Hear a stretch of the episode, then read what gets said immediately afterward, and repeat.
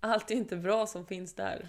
Det är mycket hatmeddelanden vet jag och det sker även på väldigt låg alltså nivå. Juniorer som kommer upp och spelar sina första tävlingsmatcher får ju väldigt mycket sånt. Och du har också fått mycket vet jag. Mm, Men är det någonting man kan sålla bort eller ser man att det, ser man att det ploppar upp liksom? Nej men alltså i början blev man ju chockad men man pratar ju runt med andra och de har det ju likadant. Det är bara någonting vi får deal with. Det, det är bara så.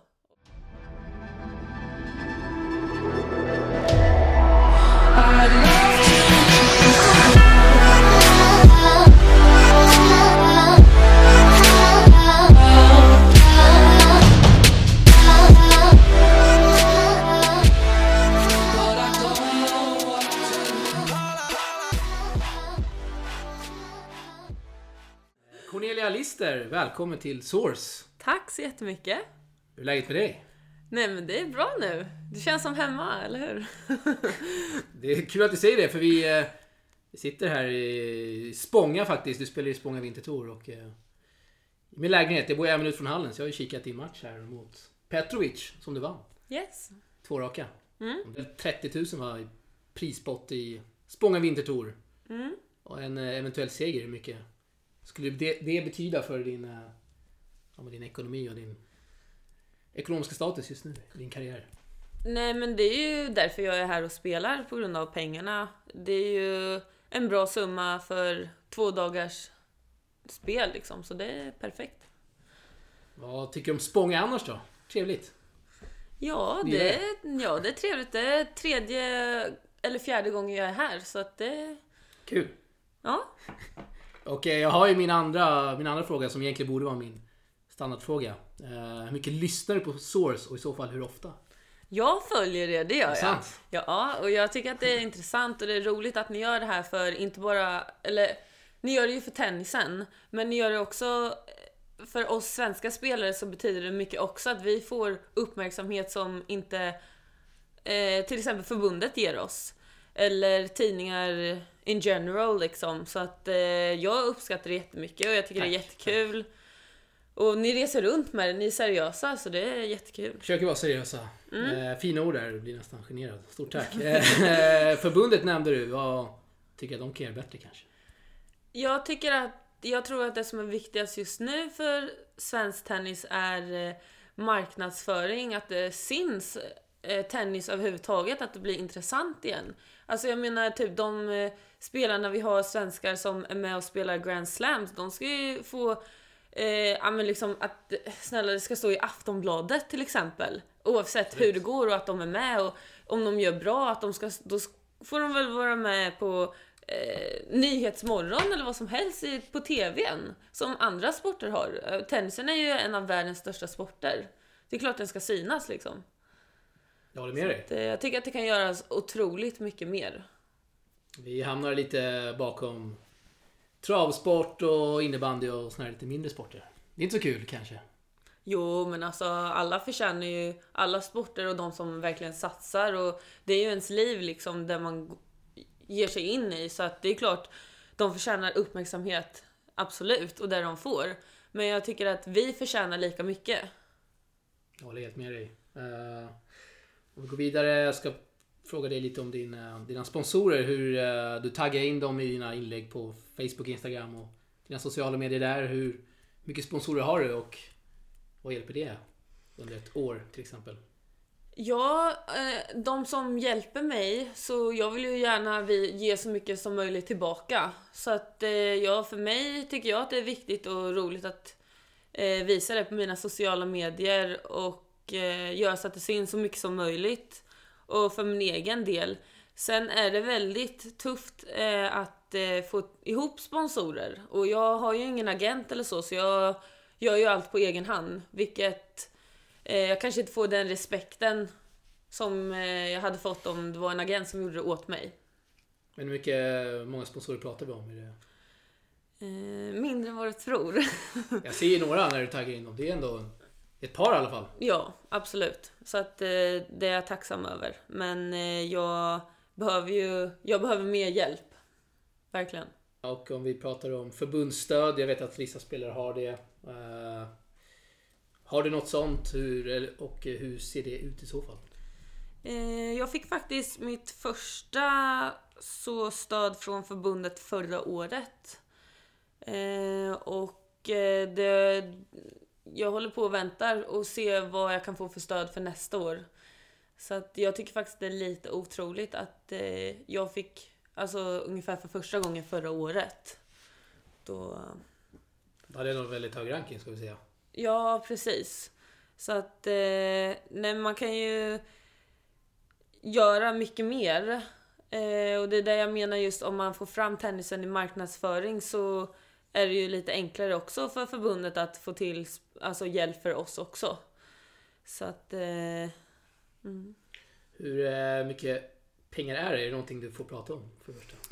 Nej men jag väljer faktiskt att inte säga någonting out loud så. Men det är eh, inte så mycket att hänga i granen. Inte? Nej. Det kan vara mer med andra ord. Ja. Ja, det ser man, det ser man. Eh, vi går vidare och eh, frågar dig om din, eh, hur coachingbiten ser ut. Har du fortfarande Tyskland som bas? Nej, jag har, håller på att avsluta det här kapitlet. Ehm, och har min bas i Malmö nu. Det är Malmö idrottsakademi där. Och så har jag påbörjat ett nytt samarbete med en coach. Och det känns positivt. Så att ehm, det är inte någonting riktigt så officiellt än, men det känns bra. Härligt. Och eh, vi backar bandet här någon vecka tror jag va? I, i Oslo när du vann dubbeltävling. Och jag såg något inlägg om att de välkomnar hem dig som att du är från Norge och hela den grejen. Eh, är du från Norge för det första? Ja, eh, mina föräldrar träffades i Norge, i Oslo, så att jag är född där och eh, vi flyttade till Sverige när jag var sju år. Så att, eh, nej det känns, när jag kom tillbaka dit, jag har ju spelat ganska många gånger och vunnit Tennis Europe-tävlingar och var i final i ITF där också. Min första final i ITF-tävling var i Oslo också. Så att, eh, nej men de alla känner mig och det känns jag känner mig ganska hemma där, så det är jättetrevligt och jag pratar norska också. Gör det, jag tänkte Mm. precis fråga dig. Kan du dra några ord eller meningar på norska? jo, det kan jag. Men det är ju enklare när jag verkligen behöver det. De, man behöver ju inte prata norska där som svensk. Alla Nej. förstår ju, de är så vana med svenskar. Men eh, jag, nu när jag åkte dit så hade jag som mål, nej nu ska jag fan prata norska hela tiden. Och så gjorde jag det. Så det var faktiskt kul. Lite rostig men det var ganska bra ändå. Jag känner så här som, som svensk här uppfödd, född och uppvuxen i Sverige att man har svårt att förstå norska. Jo men eh, svenskar har ju svårare att förstå eh, norskar än vad norskar har att förstå Ja. svenskar. För att norska, de använder andra ord och sådana som inte vi har i Sverige, tycker jag. Danska då? Kan du? Nej, jag pratar faktiskt engelska när jag kommer dit. Det är bara ingen idé för när de grötar ihop sig så blir det ändå bara va? Va? Va? Nej, det är bra, det är bra. Kanske får lite norska i slutet, vem vet. Eh, vi ska prata lite om Transition Tour som införs nästa år. Till att börja med, hur stor koll har du på, på det? Alltså jag är ju... Jag tror fan inte någon har så mycket koll om Nej. det och det känns som att det har ändrats lite också och de eh, själva vet väl inte riktigt hur de vill ha det. Eh, Så det är ganska komplicerat och så. Så att eh, vi får väl se hur det blir. Det är ju när, de, när man ändrar något så mycket så... Eh, ja, det är ju svårt i början kan jag tänka mig för dem. Eller för Det allihopa. stämmer väl att man inte får några VTA-poäng om man spelar 15 000, 15 000 dollars tävlingar och enbart 25 år. Mm, för mig, precis. Ja, men så är det ju. Så då, jag har bara spelat två stycken 15 000 i år och eh, det var bara en som jag gjorde bra ifrån mig. Så att... eh, Nej, det känns skönt att jag inte lagt mycket energi på dem. På den nivån liksom. Men det är tråkigt för de som har det, men det är väl bara om man ska... Eh, om man vill spela VTA-tävling som det inte bra. Eller alltså jag vet inte fan alltså om jag ska Det- vara det är ärlig. svårt. Det, Jag- ja, jag har hört så jag mycket olika. Jag har försökt läsa in mig på det. Ja, Eh, och jag har pratat med liksom, folk som har koll. De har inte heller koll. Eh, Gullbis i Stockholm sa att ingen vet Nej. vad som gäller. Till och med han uttalar det sig var om det. bra svar. Eh, så vi får... Eh, Nej. vi Gå får vidare se, där kanske. Ja.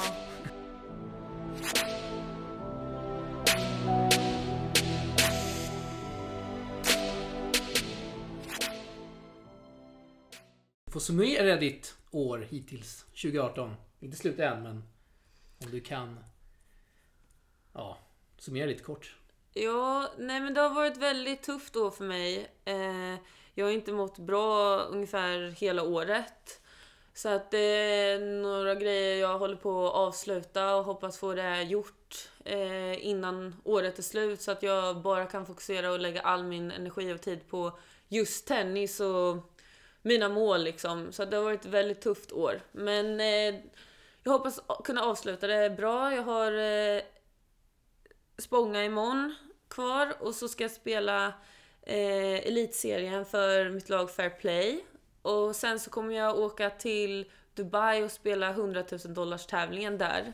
Eh, och det är just för det här transition tour att jag vet inte nästa gång jag kanske får chans att spela en, en, en tävling på den nivån. Eh, så att, eh, ja, det kan väl bara bli, bet bli bättre. Vi håller tummarna. Mm, tack. Vi håller tummarna. Eh, och eh, du har ju varit ute och rest en hel del länder och tävlat och eh, undrar så här, om du har något, någon förkärlek till något land eller kanske en turnering du gärna vill åka tillbaka till? Alltså jag älskar ju faktiskt att vara på just VTA-tävlingarna som jag har varit eh, ungefär ett år.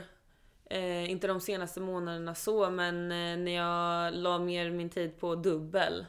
Alltså det är, en helt, det är ett helt annat liv än vanliga ITF-touren.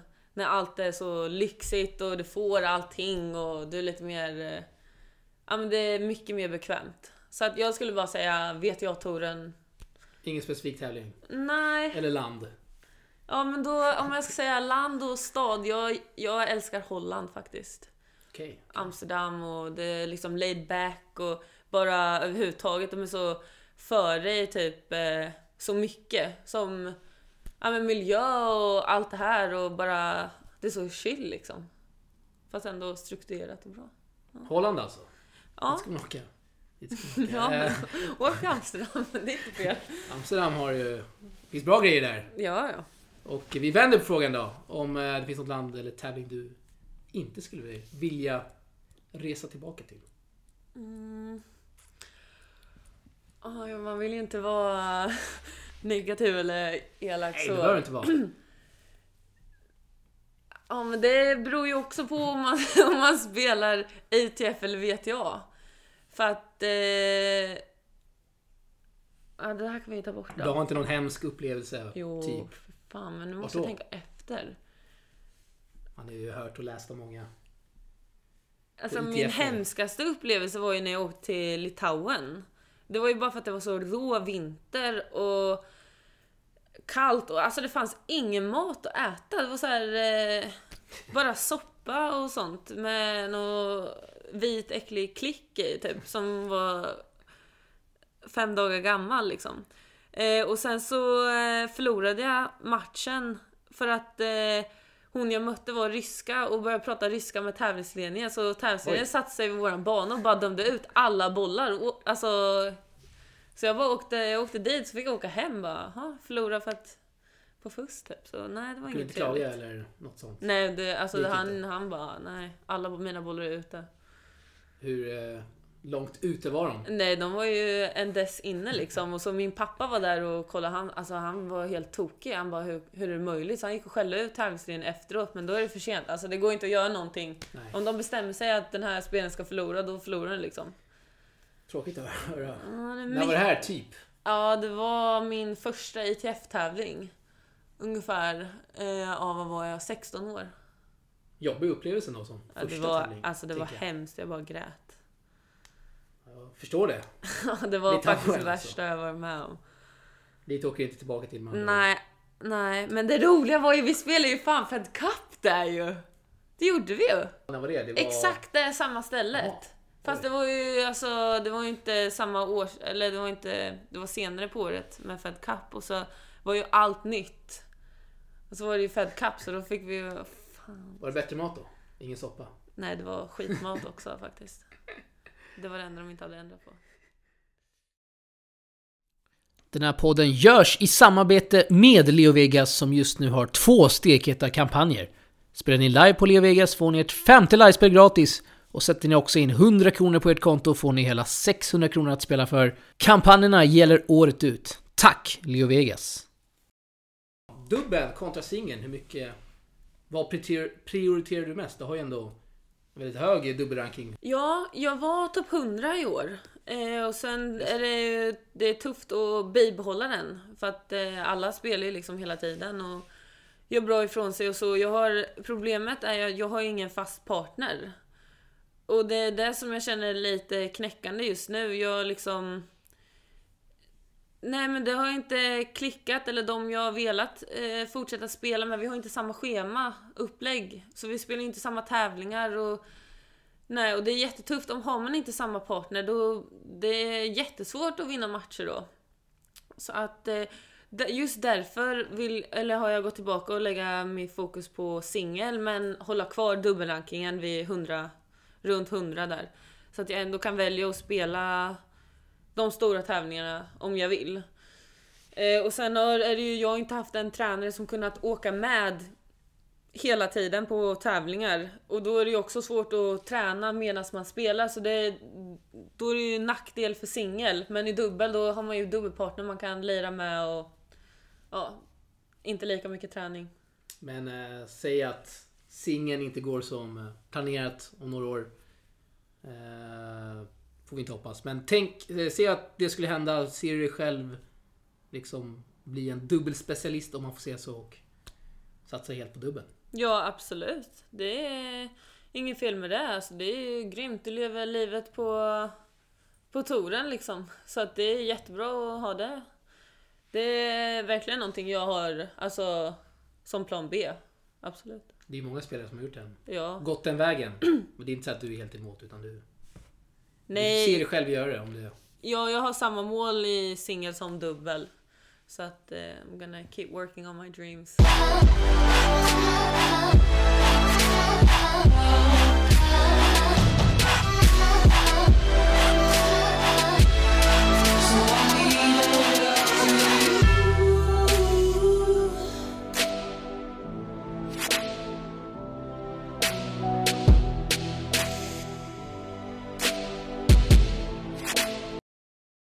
Du har fått in väldigt många frågor Cornelia. Du verkar vara väldigt populär. Hur känns det till att börja med? Nej, det var jätteroligt. Vi är lite nervös här men... uh, Nej, Ska göra mitt vara. bästa för att svara. behöver inte vara. Eh, och... Eh, jag håller på och skrattar. Anders in Wonderland. Sjukt eh, namn. För det första. Han har Ja, faktiskt, faktiskt, tre jag har frågor. sett eh, han- hans namn. Ja, jag tror han skrev på Facebook faktiskt. Eh, vad sa du? Du såg hans namn? Ja, men jag känner igen, alltså, han är där inne på sociala medier. Härligt. Det är ingen som har... Det är ingen du känner alltså? Nej. Eh, han skriver så här. Eh, vilk, eller han börjar med. Vilka är dina favorit dubbelpartners? Ja, Jag har några stycken som jag trivs jättebra ihop. Um, någon specifik sådär vet jag inte om jag bara ska säga. Men jag har ju spelat med... Något roligt var ju när jag spelade med Katarina Bondarenko. Som vunnit eh, Australian Open i dubbel liksom, Grand Slam. Och eh, jag fick, eh, vi spelade i eh, 25 i Sverige och hennes man kommer fram och frågar mig ah, vill du spela dubbel med min fru? Och jag bara ah, jag har en partner men nästa vecka då? Han bara ah, men det blir jättebra. Och sen bara, jag hade ingen aning om vem hon var. Och så bara, fan jag hade ju dumpat min andra partner om jag visste det här. Så gick vi och vann den hur lätt som helst 25 Ja, det gjorde det alltså. Stort. Nej men lite sådana är roligt att spela med. Och sen har jag ju andra som jag gärna vill spela med när jag kan. När vi är på samma tävlingar. Inga svenskar som du gillar att spela med lite extra? Jo, men eh, de har ju fast partner eller så spelar de inte så mycket. Så det är ju synd alltså. Att man inte... Det hade varit roligt att vara ett svenskt team och köra på det all in liksom. Men det kanske händer i framtiden någon gång eller de som kommer upp. Har någon svensk, Ja, finns det någon svensk på touren som du ser upp till lite extra mycket eller som du har kanske någon nära relation med? Ja, men Johanna är ju självklart en stor förebild. Hon är ju grym i dubbel och kör hårt i singeln också, så henne hade det varit jätteroligt att spela med. Rebecca, har ju, Rebecca Petersson har ju också varit eh, topp 100 i dubbel. Så att eh, det är kul att ha dem framför sig och försöka jaga lite. Har ni någon sån här WhatsApp-grupp? Vet att sånt är populärt bland tennisspelare? Nej, sån emellan? ja, nej Inte? de kanske har det, men jag är inte med i någon sån. Men, nej, men det är självklart att vi pratar och käkar ihop och så när vi är på samma tävlingar. Så det är jätteroligt. Skönt att prata lite svenska ibland. Det förstår jag, det förstår jag. Och eh, Anders har, han har två till frågor. Eh, sen är det en andra. Men vi tar Anders andra här. Eh, ganska lång va? Vilka är dina tre styrkor och tre svagheter som singelspelare? Min styrka är ju definitivt serven. Och vi kan avsluta så. Nej, jag vill ju spela rätt korta poäng. Så att eh, jag kör bara det som är positivt och så skiter vi i det negativa. Så det får, han får vara nöjd med det här tycker jag. Men Han skrev tre styrkor, du nämnde en där. Ja, men det räcker så. Det räcker? Ja, men Okej. serven är ju... Behöver ju inte mer än det. Om man håller serven så är det bra. Nej, Jag gillar min backhand alltså. Gör det? Ja, den gillar jag. På, I dubbel vill jag alltid ha backhandsidan. Ja, okej. Så då får jag säga min backhand då. Serve och backhand och... Slice då? Nej. Nej. Kommer fram från nät. Min volley är okej alltså. Anders sista fråga. Hur ser spelschemat ut i början av 2019? Jag kommer eh, fortsätta att planera när jag kommer till Malmö eh, under elitserien där. Så att jag vill ha en plan för eh, i alla fall så lång del av året som det går. Det är lite tufft att lägga upp exakt. För man vet ju, man har ju ingen aning om hur det kommer bli nästa år. Schemat har kommit men sen vet man ju inte. Jag tror att det kommer vara mindre lottningar, speciellt i kvalen. Så att jag får bara se man får ju ha typ tre tävlingar alternativ per vecka när man vill spela så får man bara se vilka man kommer in i. Så det är inte riktigt klart än. Nästa fråga här från Lis and 4. Vilket är ditt bästa minne från tennisgymnasiet i Båstad? Ja, just den personen som har frågat, det är ju hon jag får nämna i den här frågan. Eh, eller i svaret. Eh, mitt bästa minne från Båstad tennisgymnasium tiden Ja. där, ja det är ju att jag fick en vän för livet och det är just Lisa. Så att eh, då får jag vara glad för att jag gick där. Härligt, härligt. Mycket bra svar. Eh, då har vi Oskarshamns bana 3 här som har rätt många frågor. Vi kör dem direkt. Vad måste du utveckla för att etablera dig kring topp 200? Då tror jag att han syftar på singeln. Eller hen, jag vet inte om det är en kille eller tjej. Kanske vet. ja, jag, nej, kör på. Ja, det jag måste... Jag måste lägga lite mer tid på eh, min fys. Och sen få just klart eh, bitarna utanför som jag har lite problem med och så att jag kan lägga all in på tennisen liksom. Så att eh, jag ska göra en lite bättre planering det här året som kommer så att jag har jag är ute några veckor och så att jag får vara hemma i lugn och ro och bygga upp mig i några veckor också. Okej, och eh, den här eh, Oskarshamns bana 3 är väl inne på samma linje här, nästa fråga. Om du hade obegränsat med pengar, hur skulle perfekta upplägget se ut? Ja, då hade det varit att jag har en fulltidscoach. Eh, att jag reser med coachen och eh, en nära vän till mig eller eh, en förälder, alltså min mamma eller pappa. Att man har liksom ett mer team med sig. och eh, den man har som, alltså hon som behandlar mig hade jag velat ta med några veckor och... En fysio alltså? Ja precis, alltså det livet hade ju varit grymt alltså. Det är ju optimalt ju. Ja, det är många som gör det. Ja. De som har råd. Ja, nej då skulle jag lägga mycket på det. En agent då? Ja absolut, som kan göra allt det här med sponsorbiten och... Nej men fan jag behöver inte sponsorer om jag har så mycket pengar ju. Snackar jag om. Man behöver alltid mer sponsorer. Fråga Federer. Ja han bara rullar på för den biten. Han har minst 10 kan jag säga. Ja men då hade 10 ju... stora. Ja men då hade jag ju byggt upp ett fullt team alltså. Då, och då hade man ju kunnat spela bara... Spela på, du har inget att tänka på, det är bara att köra alltså. Det är inget om men... eh, De där frågorna finns ju inte då. Så det hade varit väldigt skönt. Hade du valt att anställa någon som eh, kör dina sociala medier eller hade du hanterat det själv? Jag hade verkligen haft någon som gör sociala medier åt mig. Det är så? Jag tror, Ja. jag, tror du skulle svara nej här. Nej, jag hade väl eh, lagt mig i lite men jag hade inte velat ha hand om kontona och det. Jag hade bara velat se det som är positivt eller det jag vill se. För att det är... Allt är ju inte... Det måste den ju för att tennisen ska överleva just nu med tävlingar. Jag tror inte att, det är, att man kan lösa ett problem på något sätt. Jo, det tror jag, men jag tror inte att de riktigt vill. De har ju såna här vi ska skicka in eh, personerna som skriver till oss och anmäla och allt det här men det... Det är ju fejkkonton som skriver för mig. Ja, ja, fast det är ju riktiga också. Ja, ja det kanske är också. Alltså vanliga personer som man ser exakt vem det är, vart den kommer ifrån. Eh, vilket är helt sjukt. Eh, men alltså jag känner, vi alla känner att det hjälper inte att anmäla och hålla på och skicka in till vet jag eller ITF att de gör ingenting åt saken. Det kommer inte gå liksom. Men har du anmält? Eh, ja, jag gjorde ju det eh, till ITF när jag blev uppringd en gång. Så gjorde jag ju det. Då blev jag ju väldigt nervös. Oj. Ja, så då fick jag ju rapportera och sitta i telefon med ITF i London och allting. Så ja, det har jag gjort en gång. Shit.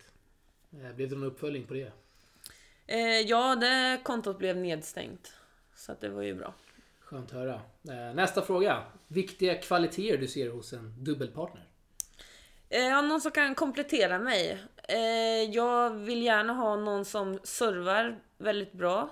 Så att vi, hon får mycket utdelning på det och jag kan hjälpa till vid nätet bra. Och så vill jag ha någon som rör sig mycket på nätet och tar alla bollar liksom. Nej, för att jag själv är stadig på backhandsidan och servar bra så jag vill ha någon som är stadig på nätet också.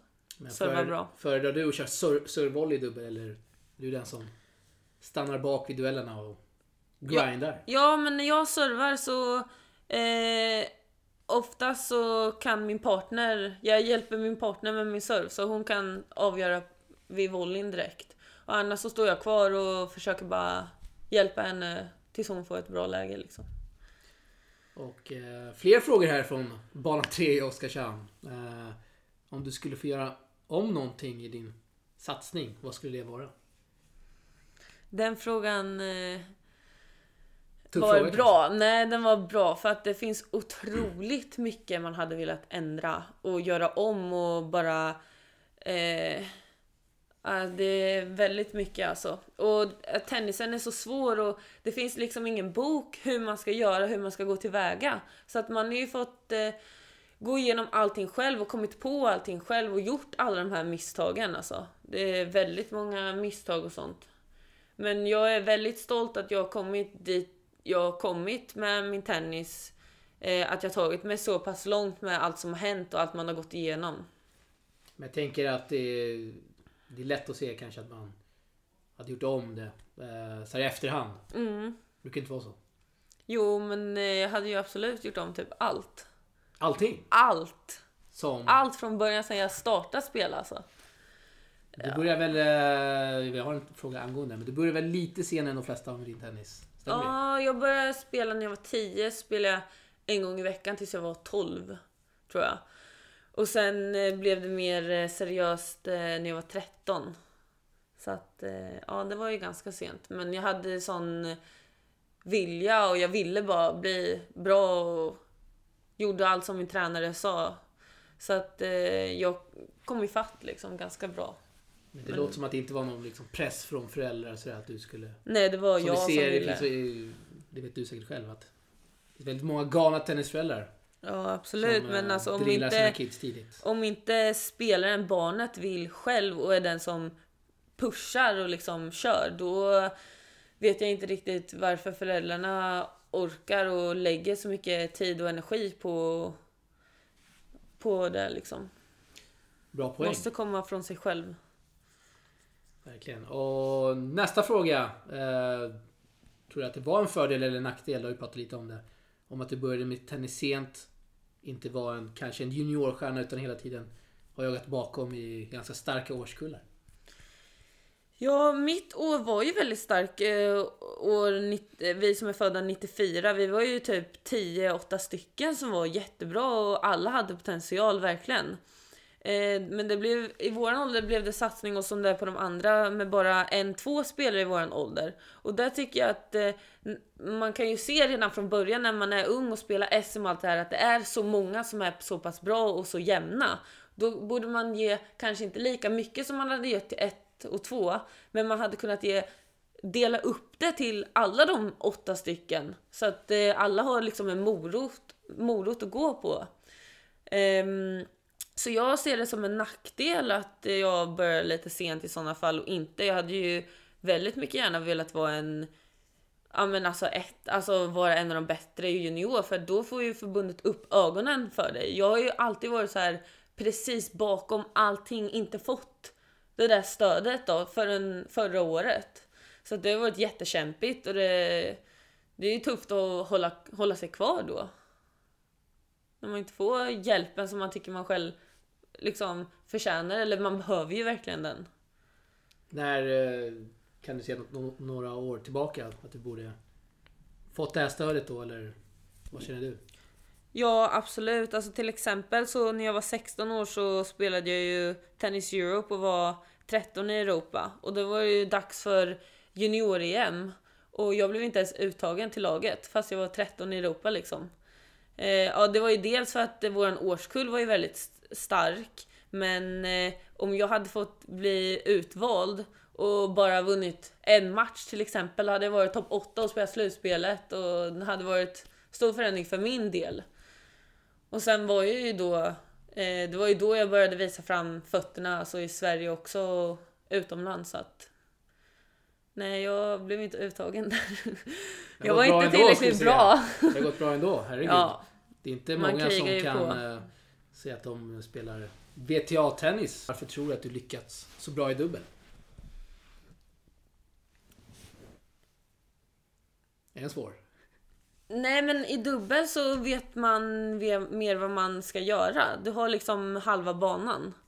Eh, och Eh, det är väl att jag liksom, jag är väldigt bra på att anpassa mig till de personerna jag umgås med eller så. Jag liksom, ja men om hon är mer, om hon har mer attityd eller en stark personlighet, ja men då kan jag backa, då kan she can be the boss.